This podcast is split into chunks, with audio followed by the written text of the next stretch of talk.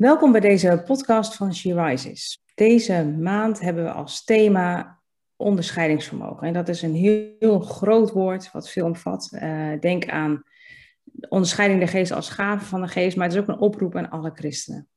En ik uh, ga over dit onderwerp in gesprek met Ingrid Bel. Welkom Ingrid. Dankjewel. Fijn dat je weer beschikbaar bent. In de startmail naar onze mailinglijst noemde ik het citaat van Charles Spurgeon over dit onderwerp, over onderscheidingsvermogen. En hij zegt: Discernment is not knowing the difference between right and wrong, it's knowing the difference between right and almost right. En zou jij er dus op willen reageren, Ingrid? Herken je dit uh, als uh, toepasselijk op, onderscheidingsvermogen? Ja, zeker. Um, het is een, een uitdrukking die ik zelf ook heel graag gebruik. Uh, omdat het voor, ah ja, we hebben het natuurlijk over christenen die, um, die al opgevoed zijn of groeiend zijn met uh, Jezus. En het is heel makkelijk om te zien wat er echt heel erg fout is. Het, het is heel makkelijk om te zien welke dingen je niet doet. Hè? Je weet dat je niet vloekt en je weet dat je, nou ja, dat je uh, dat je geen overspel pleegt, je weet al dat soort dingen. Dat is, die zijn namelijk super duidelijk. Uh, maar daar waar dingen net niet. De, er zijn ook heel veel dingen die liggen voor je gevoel op een grensvlak. Mag het wel, mag het niet? Is het van het grijze God, gebied, zeg maar. God? Ja. ja. En dat grijze gebied is, is gewoon niet altijd makkelijk te navigeren. En ja, ik, ik herken dus heel erg dat, je juist, dat het juist gaat over het verfijnen van je onderscheidingsvermogen, zodat je preciezer gaat weten wat van God is en wat niet van God is. Mhm. Ja. ja. En nou heb ik jou niet echt gelijk geïntroduceerd, maar dat kan ik nu eigenlijk alsnog doen. Uh, we hebben ook eerder zijn we in gesprek geweest voor een podcast van She Rises, waarin je eigenlijk het vertelt over je achtergrond. Ja. Hè, dat jij eigenlijk heel erg uh, in New Age hebt gezeten en daarin eigenlijk antwoorden zocht uh, voor, voor, je leven, maar ehm, eigenlijk daaruit geplukt ben, om het zo maar te zeggen, door God. En ja. uh, de waarheid van Gods woord heb leren kennen. Een christen ben geworden. Um, wat, wat heeft dat voor gevolg eigenlijk voor jouw onderscheidingsvermogen? Ook van dat grijze gebied, denk je? Ja, ik denk dat het uh, heel cruciaal is. Want wat ik heb gezien, ik heb inderdaad nou meer dan 35 jaar in de New Age gezeten. En dat is een hele brede term, die wil ik later nog wel wat meer over zeggen. Maar um, doordat ik heel. God heeft mij daaruit ge, uitgehaald. En daardoor is het voor mij heel helder geworden. Wat is van God en wat is niet van God? Mm -hmm. En, dat, en um, het is voor mij dus ook veel makkelijker om te zien, omdat ik al die dingen. Um, van de cultuur en van de wereld en van de New Age en van het postmodernisme allemaal heel goed ken, uh, is het voor mij soms feilloos om te onderscheiden wat, uh, wat wel van God is en wat niet van God is. En daar waar ik bij um, veel christenen zie ik daar veel, veel meer moeite in. Um, lijkt er soms een soort van glijdende schaal te zijn van, oh, dit kan ook wel en dit kan vast ook wel. Um, terwijl ik dan denk, nee, nee, dat is van de wereld waar ik uitkom, dat is het niet. Ja. Dus voor mij is het um, denk ik vrij, meestal vrij makkelijk om te zien wat van God is en wat van, niet van God is. Mm -hmm. ja. Je noemt al New Age en, en ook uh, cultuur noem je. Hè? Um, misschien is het inderdaad goed om dat eerst eens dan te definiëren. Ook om, om voor iedereen of voor de luisteraars en voor onszelf helder te krijgen. Nou ja, wat dan het ja. kenmerkend is, zodat we die verschillen ook helderder kunnen krijgen. Ja, ja. Uh, zou jij dus New Ages kunnen uitleggen zo, nou, wat die term nou eigenlijk behelst. Ja, ja dan moet je eigenlijk, een, nou, ik kan er een heel lang verhaal over houden, uh, maar je moet eigenlijk een hele tijd teruggaan, namelijk halverwege de 19e eeuw. Daar was uh, Madame Blavatsky, uh, die uh, heeft de Theosophische Theosophical Society opgezet. En de, het doel van die Theosophical Society was versmelting van wetenschap, uh, religie en filosofie. En eigenlijk om alles op één hoop te gooien en daar, nou, ik zeg dan even met mijn eigen woorden, dat, dat, één, dat het één geheel zou worden waarbinnen, um, nou ja, wat dan het antwoord zou zijn op alle levensvragen. En het, met het doel eigenlijk één wereldreligie, één, één overkoepelende weten van de waarheid.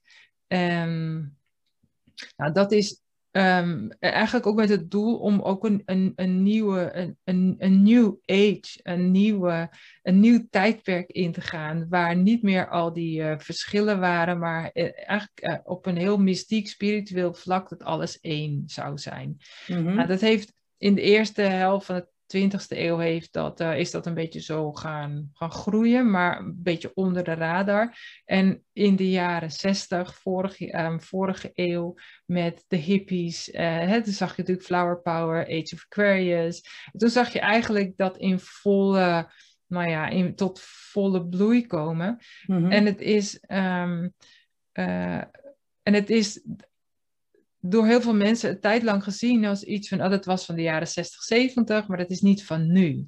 Nee. Maar als je kijkt naar de kenmerken die die stroming, of ja, ik weet niet of je het echt een stroming moet noemen, maar als je kijkt naar de kenmerken van, van wat dan dat New Age idee was, dan gaat het eigenlijk over bewustzijnsverandering.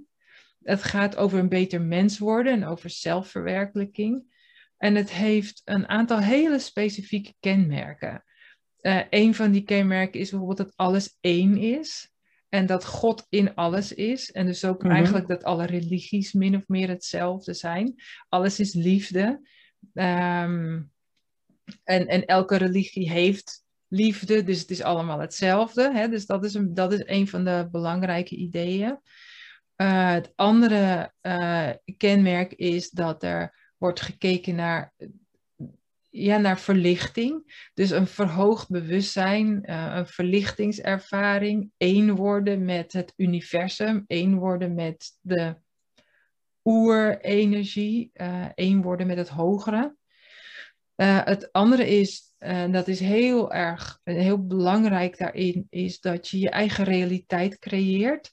Je hebt mm-hmm. misschien wel eens van de wet van de aantrekkingskracht gehoord. Ja, nou, dat law is of attraction. Law of attraction, dat speelt een hele belangrijke rol. Dus je creëert je eigen waarheid, je creëert je eigen werkelijkheid, je creëert je eigen toekomst, maar je creëert ook je eigen geloof en je plukt eigenlijk uit alle wereld, mm-hmm.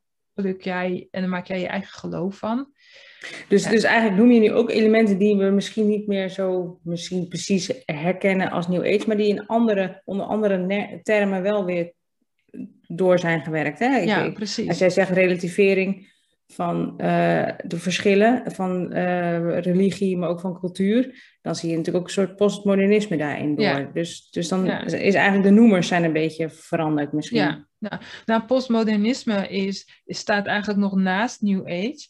Uh, want postmodernisme heeft heel erg te maken met dat er geen waarheid meer is. Mm-hmm. Dus um, uh, daar waar in het modernisme de waarheid nog wel uh, bestond, bestaat die in het postmodernisme eigenlijk helemaal niet meer. En, die, en dat New Age gedachtegoed en het postmodernisme gaan natuurlijk super goed samen. Ja. Want als er geen waarheid meer is, kun jij je eigen waarheid maken. En dan kun jij uit al die religische filosofieën en uh, uit de wetenschap, kun jij, ja. nou ja, wat ik net zei, een soort mix en match maken. Totdat jij jouw eigen waarheid hebt gecreëerd. Ja. En, en dat is wat ik zelf heb gedaan, 35 jaar lang. En dat is wat je gewoon in de wereld ziet gebeuren in de huidige cultuur. En, uh, en, en dat zijn de dingen waarvan ik geloof dat je die ook in de kerk ziet terugkomen in het leven van christenen. Maar daar kan jij mm -hmm. misschien als longtime Christian uh, misschien nog, nog wat meer over zeggen of dat ook zo is. Hoe jij dat ziet. Ja, nou het is uh, denk ik inderdaad uh, herkenbaar dat je natuurlijk de lastiger wordt, uh, denk ik, om nog een schurende boodschap te hebben er soms. Hè? Dat, dat, dat merk ik ja. wel een beetje terug. Van wie zijn wij om te denken dat we de waarheid in pacht hebben? De, de, die um, angst eigenlijk om, om aanstootgevend te zijn, Dus uh, dat merken dat, dat iedereen heeft zijn waarheid, zeg maar, en dus moet je iedereen respecteren. Ja, dat is, eh, respecteren is natuurlijk één ding, maar het eigenlijk op gelijke hoogte stellen of, of eigenlijk nou daar heel voorzichtig in worden, dat herken ik ook wel een beetje terug. Ja, inderdaad. Dus dat zijn dingen, denk ik, hè, die dan um, niet heel duidelijk af te bakenen zijn van, oh ja, maar dat is New Age. Maar dat is, zit dus in onze cultuur inmiddels al en in ons hele denken. En ik denk ook wel wat jij zegt, zelfverwerkelijking, zelf, hè, dat het om zelf, mijzelf gaat. Ja, Dat is denk ik iets waar we ook in onze geïndividualiseerde samenleving eigenlijk misschien soms helemaal niet zo bewust van zijn in hoeverre we daarin al zijn afgedwaald van een um, uh, leven gecentreerd om God, zeg maar. dat dat het centrum is van, van ons uh, leven. Ja, want dat is wat ik eigenlijk, als je echt een groot verschil zou moeten aangeven over mijn leven vroeger en mijn leven nu, ofwel het leven binnen New Age en het leven binnen Christus, is dat eigenlijk ook het grootste verschil. Mijn leven draait niet meer om zelf, waar daar waar het in, in zeg maar de huidige cultuur en in het New Age gedachtegoed en in het postmodernisme, dan gaat het eigenlijk allemaal over zelf. Het gaat over ik, uh, over mijn weg, mijn pad, mijn verlangen, mijn liefde, mijn ideeën, mijn waarheid.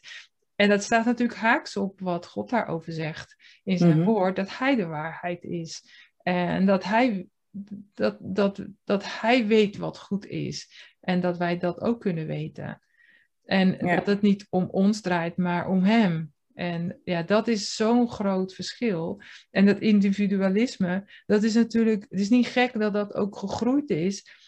Ook in de tijd van, waar, van de flower power. Ja. de jaren zestig waren natuurlijk het kantelpunt waarin uh, met het feminisme, met uh, het individualisme, eigenlijk al die, al die dingen die, die begonnen zo te groeien in de jaren zestig. En um, ja, dat... Het omverwerpen eigenlijk van de structuur, Van, van, van, van, autoriteit naar beneden toe ook. Ja, ja. Uh, om daaruit te breken. Als ja, precies. Ja. En uh, hoe zie je dat dan terug ook in de kerk, zeg maar? Want, want jij zegt al van, nou, ik zie dat zo erg van die andere kant. Zijn er dan specifieke elementen dat je denkt, oh ja, maar dat zie ik dus, dus heel erg terug in, in ook bij christelijke sprekers, schrijvers of, of, of ja. Uh, wat je tegenkomt daarin? Ik moet daar, eh, eigenlijk het eerste wat ik moet zeggen is dat God me heel, dat God mij heeft laten zien dat zijn woord waarheid is. Uh, ja, in ons vorige mhm. gesprek heb ik uitgelegd hoe eigenlijk vanuit het niets vandaan, um, door een opmerking van een vriendin, ik op zoek gegaan ben naar, oké, misschien is, is de God van de Bijbel wel echt de God waar ik altijd naar gezocht heb. En dat ik toen de Bijbel ben gaan lezen. En dat mij binnen een paar hoofdstukken duidelijk werd dat het werkelijk het woord van God was. En dat het werkelijk zijn, zijn, zijn woord is en zijn waarheid en zijn wil.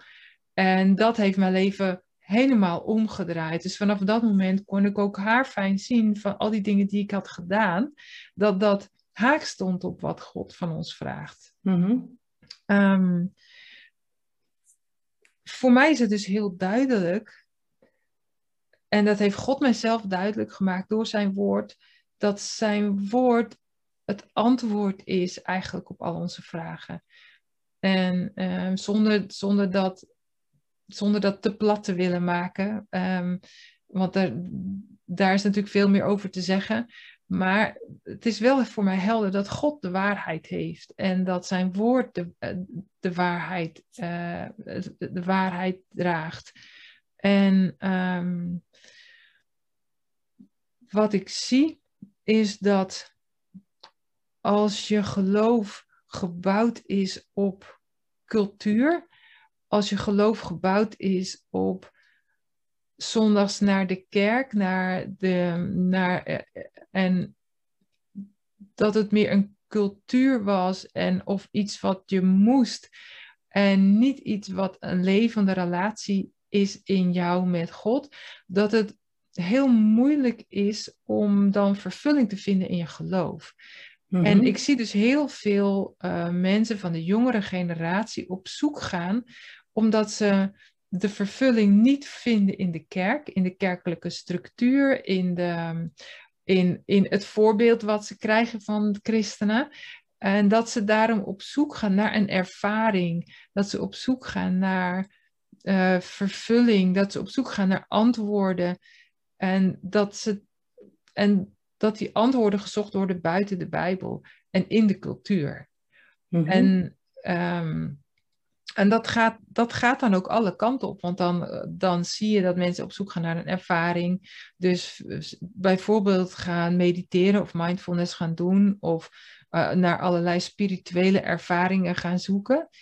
En um, om eigenlijk door henzelf heen iets te gaan, meer te gaan zien van God of meer te gaan begrijpen over Jezus.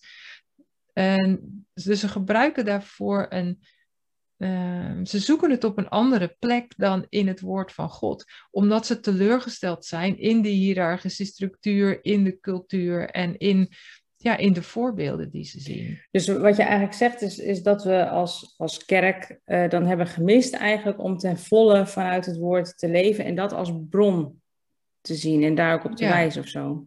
Ja, um, ik denk dat de, ik denk eigenlijk dat de huidige maatschappij, de huidige cultuur, uh, is heel aantrekkelijk voor, nou, ik denk eigenlijk voor ons als mens. Mhm. Omdat het heel erg inspeelt op eigenlijk op de, de neiging die we van nature hebben, namelijk om op onszelf gericht te zijn en onze belangen voor te, voor te hebben en eigenlijk ook makkelijke bevestiging te zoeken en uh, instant gratification, dat je graag ook snel iets wilt ervaren en dat je, uh, dat je ook het is heel, soms heel, heel moeilijk te begrijpen dat het leven niet altijd makkelijk is als je met God bent. Uh, en, en in onze huidige maatschappij wordt natuurlijk heel erg um, geappelleerd aan het idee dat je leven leuk en fijn en snel en flitsend moet zijn. En, dat het, en maakbaar. En, en dat, maakbaar. dat we even zullen uitleggen hoe dat werkt. Precies. En, um, en de Bijbel geeft daar natuurlijk wel een antwoord op. Maar het is niet, het is niet altijd een heel makkelijk behapbaar antwoord. Het is niet, het is niet altijd een even fijn antwoord. Want God, God spreekt over dit soort dingen natuurlijk op een heel andere manier als dat de wereld spreekt. Dus eigenlijk samengevat, op het moment dat jij in de kerk en in jouw relatie met God niet vervulling vindt, ga je naar buiten om te zoeken. En dan kom je dus terecht in een cultuur die de nadruk legt op wat jij vindt en wat jij moet doen en wat jij mhm. kan en op jou, ja, en op de maakbaarheid van jouw eigen leven. Ja. En inderdaad uh, wordt het, denk ik ook wel, wat ik ook wel een beetje herken, is dat het soms eigenlijk wordt neergezet als, um, of in de kerk ook niet meer zozeer wordt gesproken over dat jij um, juist je leven moet overgeven, uh, of, of eigenlijk moet sterven aan jezelf. Hè? Want dat is, dat, gaat, dat is dus zo die schurende boodschap, want dat gaat dan helemaal tegen alles wat ik wil en wil behouden in. Dat spreekt Paulus natuurlijk uitgebreid over dat dat hè, juist je leven aflegt, dat dat de stap is die eigenlijk zorgt voor dat God dan ten volle wel die vervulling kan geven. Ja. Maar dat is juist de, de schurende boodschap. En ik merk ook wel dat dat dus eigenlijk niet altijd wordt gezegd. Of er wordt aangegeven, nou mensen, andere mensen doen je allemaal dingen aan, zeg maar. Hè? Ja. En uh, Jezus die geeft jou het beeld van, hey, je bent wel goed zoals je bent, zeg maar. In plaats van, en dat zit er best wel dicht tegenaan, lijkt het. Want Jezus is inderdaad het antwoord, maar niet per se de stem die dan zegt van, je bent goed zoals je bent. Maar eigenlijk zegt, volg mij en neem je kruis op. En, ja. en dat betekent dus sterven aan jezelf, terwijl je daardoor wel dat andere perspectief krijgt en mogelijk die vervulling krijgt. Dus het, dus het houdt eigenlijk ook bijna mensen tegen om hè, die, die boodschap om echt, zeg maar, die vervulling te vinden. Dus, ja. dus dat, dat is ook wat je aangeeft. Uh, ja, en wat je ook ziet is um, in, in de wereld zie je dat er, um, dat er er wordt ook over Jezus gesproken en er wordt ook over Christus gesproken en er wordt ook over God gesproken. Mm -hmm. Alleen op een andere manier als je bijvoorbeeld kijkt naar een cursus in wonderen, Course in Miracles, dat is heel erg groot um, in de afgelopen 40 jaar geweest. in ieder geval in de New Age. Maar je ziet het dus ook in kerken terugkomen. En, en dat is een, het is een soort lesprogramma. Ik weet niet of je het kent. Het is een boek waarin elke waarin ehm, je elke dag Ehm, een soort meditatie krijgt. Je zegt elke dag krijg je een stukje tekst waarop je kunt mediteren. Maar de hoofdpersoon in dat boek is Jezus. En de schrijver, schrijfster van dat boek zegt dat zij rechtstreeks contact had met Jezus. En dat Jezus aan haar boodschappen heeft doorgegeven die zij in het boek heeft opgetekend.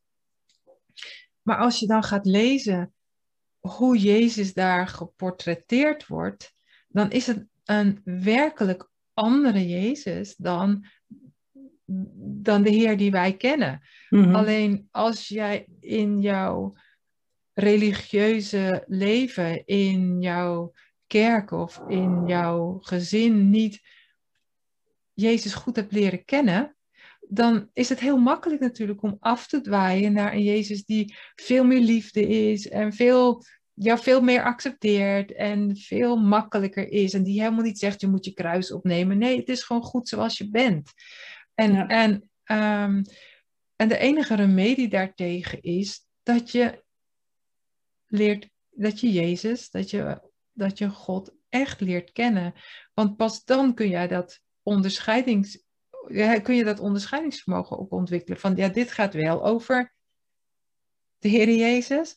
En dit mhm. gaat eigenlijk over een heel andere Jezus. Dit gaat over een soort Christusbewustzijn. Um, maar dit gaat niet over de Jezus uit de Bijbel.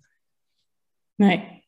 Jij geeft zelf aan dat je eigenlijk vooral door het lezen van, van Gods woord gewoon eigenlijk hebt eigenlijk al merkte van dit is de waarheid en oh, zo is God. Is dat ook de weg, zeg maar, om, om terug, zeg maar, om weer te, te gaan zoeken van hé, hey, maar wie is Jezus echt? Ja, ja. Heb je daar eh, stappen of, of, of, tips voor, zeg maar, om mensen dan dat scherper te laten krijgen, zeg maar? Ja, ik geloof, eh, dat gebruik ik in mijn counseling. Eh, ik ben biblical counselor, dus ik help mensen op basis van het woord van God. En heel veel, heel veel vraagstukken en heel veel worstelingen in het geloof, maar ook in het persoonlijk leven, komen voort uit het feit dat mensen God niet kennen dat ze wel een soort beeld hebben wat ehm, ja, door, door hun opvoeding heen of door hun hele leven heen een beetje gegroeid is. Maar wat niet, wat een heel beperkt beeld is. als ik aan jou vraag, wat zijn de karaktereigenschappen van God, dan weet jij daar gerust een aantal te noemen. Um, maar heel veel mensen komen niet verder dan vijf karaktereigenschappen. Maar als je eens gaat studeren en als je gewoon het woord van God erbij neemt, dan kun je zien dat zowel in het Oude als in het Nieuwe Testament zo'n rijk scala is aan, aan kenmerken wie God is. En alleen al het bestuderen van zijn karakter, van zijn perfectie, van, van alles wie hij is, geeft een heel ander. Ehm, ja, geeft een heel ander beeld van God, maar dat, dat, dat helpt jou ook om te groeien in je geloof en in jouw vertrouwen dat God werkelijk is wie hij zegt dat hij is. Dus een van de eerste dingen die ik heel vaak zeg is, ga eens, ga eens het karakter van God bestuderen. Wie is hij? Wie zegt hij dat hij is? Mhm. En um, als je dat doet, nou, dan, dan ga je zien hoe, hoe rijk, uh, nou ja, hoe, prachtig God natuurlijk is. Hoe, um, maar ook um, hoe betrouwbaar God is en hoe waar God is. En, en, en dat zijn dingen, vanuit daar kun je eigenlijk stappen verder maken. Maar wat ik tegenwoordig veel zie, is dat mensen in plaats van dieper de Bijbel induiken om zelf die relatie met God te gaan bouwen, dat ze um, eigenlijk naar buiten gaan en dat ze op zoek gaan naar ervaringen die vanuit hun innerlijk komen. Dus dan mhm. gaan ze op zoek naar, um, ja, bijvoorbeeld in meditaties wachten ze tot God tot hen spreekt in een meditatie. Of, maar dan is het eigenlijk die behoefte wat jij eerder noemde aan instant gratification. Hè? Dus eigenlijk gelijk, gelijk mm, sneller antwoord of sneller vervulling. Ja, dat wel ook. maar ook, ook soms gewoon een diep verlangen naar God, maar die we Mhm. niet meer weten hoe je, als je teleurgesteld bent in de kerk. En jouw idee is, ja, ik geloof wel in God, maar ja, de kerk biedt het me niet. En de voorbeelden van andere christenen bieden het me ook niet. Hoe kan ik dan met God in contact komen? Ja, Mhm. dan, dan ga je dus op zoek naar andere wegen die eigenlijk uit de New Age komen. En die Ja. eigenlijk voortkomen uit dat jij zelf dan je eigen waarheid en je eigen godsbeeld gaat creëren. En, en nu noem je het eigenlijk heel bewust, hè? Zo van als je echt teleurgesteld bent in. Ik denk dat het ook heel vaak zo is dat we het eigenlijk niet eens zo van onszelf doorhebben. En dat is natuurlijk ook de glijdende schaal of het lastige. Dat we eigenlijk niet eens zo goed doorhebben dat we het eh, bewust niet meer daar vinden. Of dat we ons eigenlijk niet bewust zijn hey, dat ik het niet in de Bijbel zoek. Maar dat ik gewoon denk, hé. Hey, of Ja. dat het een beetje vanzelf gaat of zo. Hè? Van ik, ik, ik zou wel eigenlijk iets meer willen ervaren. Of, eh, Ja, ja. of ik heb juist een keer iets ervaren en ik denk, daar wil ik meer van. Of zo. Ja. Hè? Dat het eh, op een sluipende manier gaat eigenlijk. Ja, en dat is wat, het- die zoektocht naar ervaringen, dat is per definitie iets van ehm, deze cultuur. Nou, en en Mhm. als iets uit de cultuur komt, weet je eigenlijk dat je dat juist links moet gaan laten liggen, Ehm, omdat dat dan niet van God komt.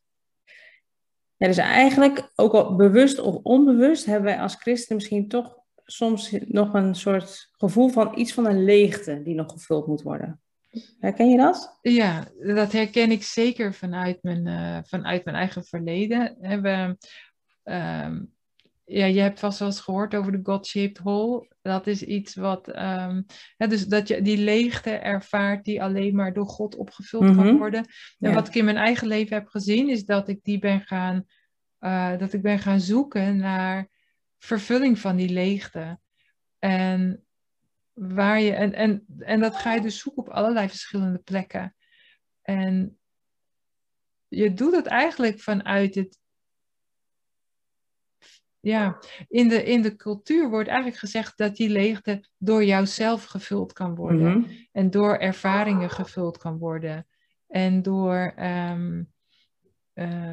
ja, door je eigen zoektocht gevuld kan worden. Maar wat ik heb gemerkt is dat op het moment dat ik God leerde, echt leerde kennen, dat Hij eigenlijk direct die leegte eh, kon vullen. Dus die zoektocht van, van ons als mensen, die is ook logisch, want God heeft ons ook gemaakt om iets te aanbidden. God heeft ons Ja. gemaakt om, ehm, om, iets, ja, om iets te aanbidden wat groter is dan wij zelf. En God heeft ons gemaakt voor een relatie met Hem.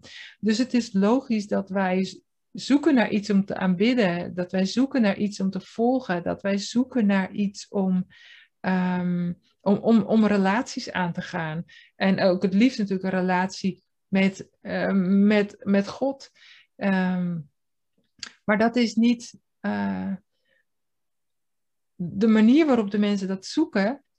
eh, en ook waarop wij als christenen het soms misschien ook wel zoeken, is op de verkeerde plek. Want die, die leegte kan echt alleen maar gevuld worden door God zelf. En die aanbidding hoort ook echt alleen maar bij Hem thuis. En onze primaire relatie moet ook de relatie met Hem zijn. En Hij moet boven alles staan. Ja. Ja, dat zie je natuurlijk in het Oude Testament terug, maar ook in, ehm, in Matthäus 22. Hè, eh, heb de Heer lief boven alles. En de naaste als jezelf. Mhm. En, en, Maar en eigenlijk is- geeft, God die, die, die aanwijzing, omdat hij weet van dat, dat, dat eh, gat moet eerst gevuld worden. En van Ja. daaruit Ja, kan je dan die andere dingen doen. Hè? Ja, Dan kan je leven, zeg maar, ook met liefde voor de ander en met jezelf de juiste positie. ja, precies. Ja, En, en, en dat is zeg maar dus iets. En, en ik wil toch even ook nog een bruggetje maken als het lukt naar van, nou ja, hè, mensen kunnen hier naar luisteren en denken, oh, is het dan een soort van. eh, of, een soort schuldig voor, oh, dat haal ik niet of zo. Of, of hè, een soort van, ja, maar wat moet ik dan? Of ik herken er wel iets van, maar wat moet ik nu? Eh, Ja. Jij noemde net al van, nou, het is een mooie eerste stap om eigenlijk bewust te worden, om eens weer erin te duiken van wie is God eigenlijk? ja, Ehm, en is mijn beeld, wat ik dan, of, of misschien ook vast te beginnen bij, hè, hoe zou ik dat zelf eigenlijk nu beschrijven? En dan op zoek te gaan naar de Bijbel en te kijken van, hé, waar heb ik eigenlijk, is dat al een beetje niet in lijn meer met die Bijbel? Hè? Of wat zegt de Ja. Bijbel nou echt? Of, of welk beperkt beeld heb ik? En hoe groot, eh, hoeveel staat wel niet eh, over, juist in het woord, waar Ja. je zich eh, laat zien en laat kennen? Zijn er nog andere stappen of, of, of dingen waarvan je denkt, het is ook belangrijk om echt terug naar de bron te gaan en daar je door te laten laven? Ja, nou, wa- waar ik aan moest denken is. ehm, ehm, je kunt jezelf ook altijd de vraag stellen. ehm, niet zozeer. Het gaat niet zozeer om wat je doet, maar het gaat erom waarom je iets doet. Mhm. En als jij op zoek gaat naar, als je verlangen hebt om God te leren kennen, dan is het slim om dat op de juiste plek te doen. Een van de voorbeelden die ik wel zou graag zou willen geven ehm, over de zoektochten die worden gedaan, is bijvoorbeeld, eh, heel veel mensen doen tegenwoordig aan yoga. En yoga wordt gezien als enerzijds iets wat heel fijn fysiek is, dus waardoor je eigenlijk je lichaam kunt ontspannen, kunt stretchen, dat je daarvan kunt genieten. Ehm, en het wordt door veel mensen ook gedaan omdat ze daar bijvoorbeeld lekker rustig van worden. Dat ze daardoor in een bepaalde energie komen of in een bepaalde gemoedstoestand. En ehm, voor mij is het heel belangrijk dat je je realiseert van als je iets gaat doen, bijvoorbeeld zoals yoga, dat je je realiseert van waar komt het eigenlijk vandaan? Wat is, wat is de oorsprong van wat ik doe? En zo in het geval van yoga bijvoorbeeld, daar gaat het, de, de, de kern van yoga is dat je een eenheid opzoekt tussen jou als sterfelijk iemand en de onsterfelijke Brahman. En dat is een soort spirituele, mm, ja, entiteit, iets, Mhm. spiritueel iets. En alles wat je in yoga doet, is om jou voor te bereiden op die spirituele eenheid met die, met die, met die almachtige energie. Ehm, en het is dus heel erg gericht op zelfverwerkelijking, op verlichting, op, op het ervaren van verlichting. En dan, dan kun je zeggen van ja, maar hè, als ik naar yoga ga als christen, dan heb ik daar niks mee en daar, daar ben ik niet mee bezig. Het is voor mij alleen maar stretching. Maar alle oefeningen zijn gemaakt om jou in die eenheid te kunnen brengen. Al die oefeningen zijn gemaakt om jou te leiden tot, tot een spirituele ervaring. En uh, ik ken best veel mensen die uit de New Age komen, die christen zijn geworden en die ook vertellen van dat ze bijvoorbeeld in de tijd dat ze aan yoga deden, dat ze daar depressief van werden, of dat ze er uh, psychotisch van werden, of dat ze hoe, eigenlijk hoe meer ze deden, hoe dieper ze in de put raakten. En dat de ervaring op zich dan altijd wel fijn was, maar dat zeg maar de hele spirituele, eigenlijk hun hele spirituele pad totaal Mhm. uh, eigenlijk van ja verder, verder weg raakten van het doel dan, dan dat ze daar Ja. dichterbij kwamen. En um, dus op het moment dat je, dat je denkt over uh, als christen bijvoorbeeld yoga doen, vraag je dan af waarom doe ik dit? Doe ik dit om een fysieke ervaring te hebben, gewoon omdat het lekker is voor mijn lijf? Of doe ik dat omdat ik ontspanning nodig heb? Ja. En, en als je dat afvraagt, dan kun je ook kijken van hoe verhoudt zich dat dan tot God? Hè, zou, zou God het een goed idee vinden als ik um, ter ontspanning oefeningen ging doen die als doel hebben om een eenheid te krijgen met Brahman? Mhm. Uh, vindt God het een goed idee dat ik ontspanning zoek door me vooral te focussen op mezelf? Of vraagt God aan ons om vrede te vinden in zijn woord en in wie hij is? Hij is onze rust. ja. Um, Dus je noemt, je noemt eigenlijk twee elementen. Aan de ene kant zeg je, ga kijken naar waar je, naar wat je tegenkomt, wat je denkt, hé, hey, dat, dat heb ik nodig van onderzoek dat. Dus waar komt dat vandaan en hoe zit dat in elkaar? En aan de andere kant zeg je, dat is misschien juist wel de eerste stap, hé, hey, waarom wil ik dit zelf eigenlijk? Of welk gat probeer ik te vullen eigenlijk? Ben ik op zoek naar rust? Ben ik op zoek naar Ja. ervaring? En, en nou, ook wel een soort zelfonderzoek van... Dan kan je de Heilige Geest denk ik ook wel in, Ja, in vragen. Van maak bekend van wat, wat ik eigenlijk nou mijn diepste behoefte is. Ja. Die ik probeer te vullen. Ja, en ik denk dat op het moment dat je dat doet, dat je dan ehm, dat je er dan op uitkomt dat, dat je eigenlijk de vervulling zoekt die alleen Jezus jou kan geven. En dat is iets wat natuurlijk niet ehm, ja, wat, wat niet eenvoudig is als je, uh, als je in de wereld allerlei andere dingen ziet gebeuren Mhm. en allerlei andere aanwijzingen krijgt over hoe jij jouw problemen zou kunnen oplossen. Maar de vraag is natuurlijk, geloof jij dat de Bijbel het woord van God is? En geloof je dat God daarin de waarheid spreekt tot jou over alle aspecten van jouw leven? En, ehm, en dat is een, dat is een super cruciale vraag. Want wij kunnen het natuurlijk heel mooi hebben over de Bijbel en hoe wij ons geloof beleven en, hoe, en dat daarin alle antwoorden liggen. Maar ja, ik denk dat voor, hè, voor, voor, onze, voor de luisteraars, voor, voor onze zusters, dat het zo belangrijk is om je af te vragen: geloof ik eigenlijk wel echt dat God is wie Hij is? Mhm. Geloof ik echt dat het woord wat hij spreekt in de Bijbel, dat dat het levengevende woord is en dat Christus onze, onze verlosser is en dat hij de waarheid is. En ehm, als, je, als je daaraan twijfelt, is het verstandig om eerst eens terug te gaan daarnaar, om te kijken van oké, hoe kan ik dan God beter leren kennen en hoe kan ik op hem gaan bouwen, in plaats van dat je het naar buiten gaat zoeken. Ja. ja. En soms ook wel, en misschien tot slot zeg maar, van als jij aangeeft van, kijk weer eens van wie is God. Uh, iemand zei pas een keer, uh, we hebben zo vaak ons menselijke beeld daarbij. Hè? Ja. En de voorbeelden van mensen. En dat we heel erg alleen maar gewend zijn om, om Ja. dat als standaard te hebben. Maar, maar dat God natuurlijk daar zo bovenuit stijgt. Ja. En, en uh, dat te laten binnenkomen, zeg maar. En dan weten Ja. we ook van, oké, mensen kunnen we misschien niet vertrouwen. Maar God staat daar zo ver boven. Ja, ja. En, uh, nou, en ook zo ver boven alles wat wij dus als mensen kunnen bedenken. Dus als jij in het begin uitlegt hoe zit New Age in elkaar, hè, dat is een menselijke manier om te denken. Wij kunnen onszelf redden, of wij kunnen onszelf vervullen. En we zullen wel eens even de, de wereld één maken en één religie bedenken. En alles, zeg maar, um, nou, onder onze maatschappij, of heer, heerschappij eigenlijk uh, krijgen. ja, En dat het een heilloze weg is ergens. Hè? ja, ja.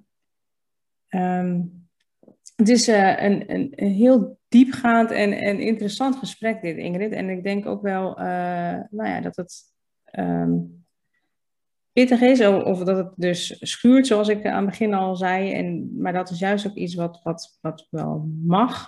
Ja, dat zeker. graag juist laten gebeuren.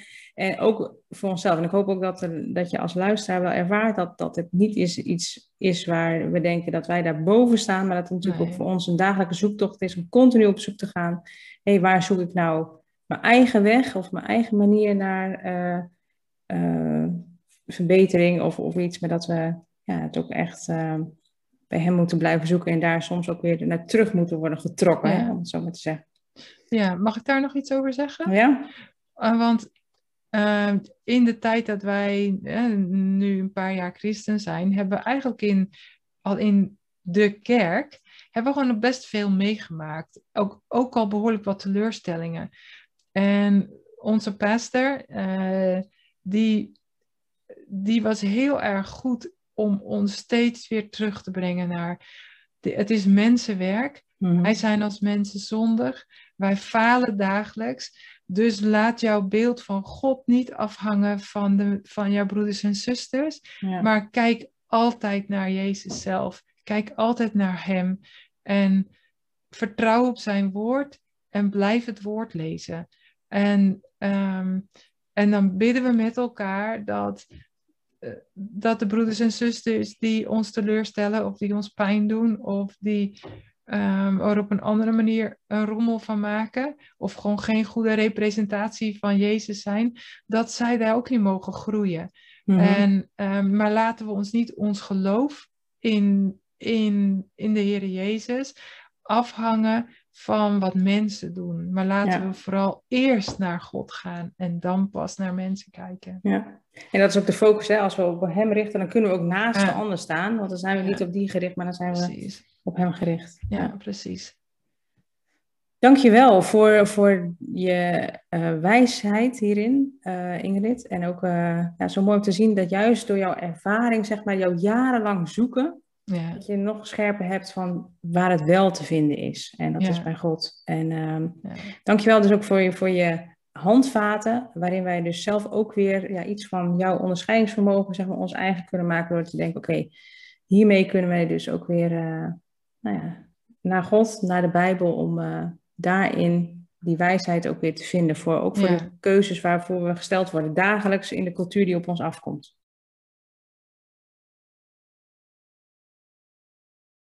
Ja. Wil je hier verder over uh, in gesprek of wil je, heb je vragen? Laat het ons vooral weten. Je kunt ons altijd een mailtje sturen naar info.sherises.nl of uh, bezoek ons op Facebook pagina of via Instagram kan je een DM sturen. Um, als je hier verder over in gesprek wil. dankjewel voor het luisteren en tot de volgende keer.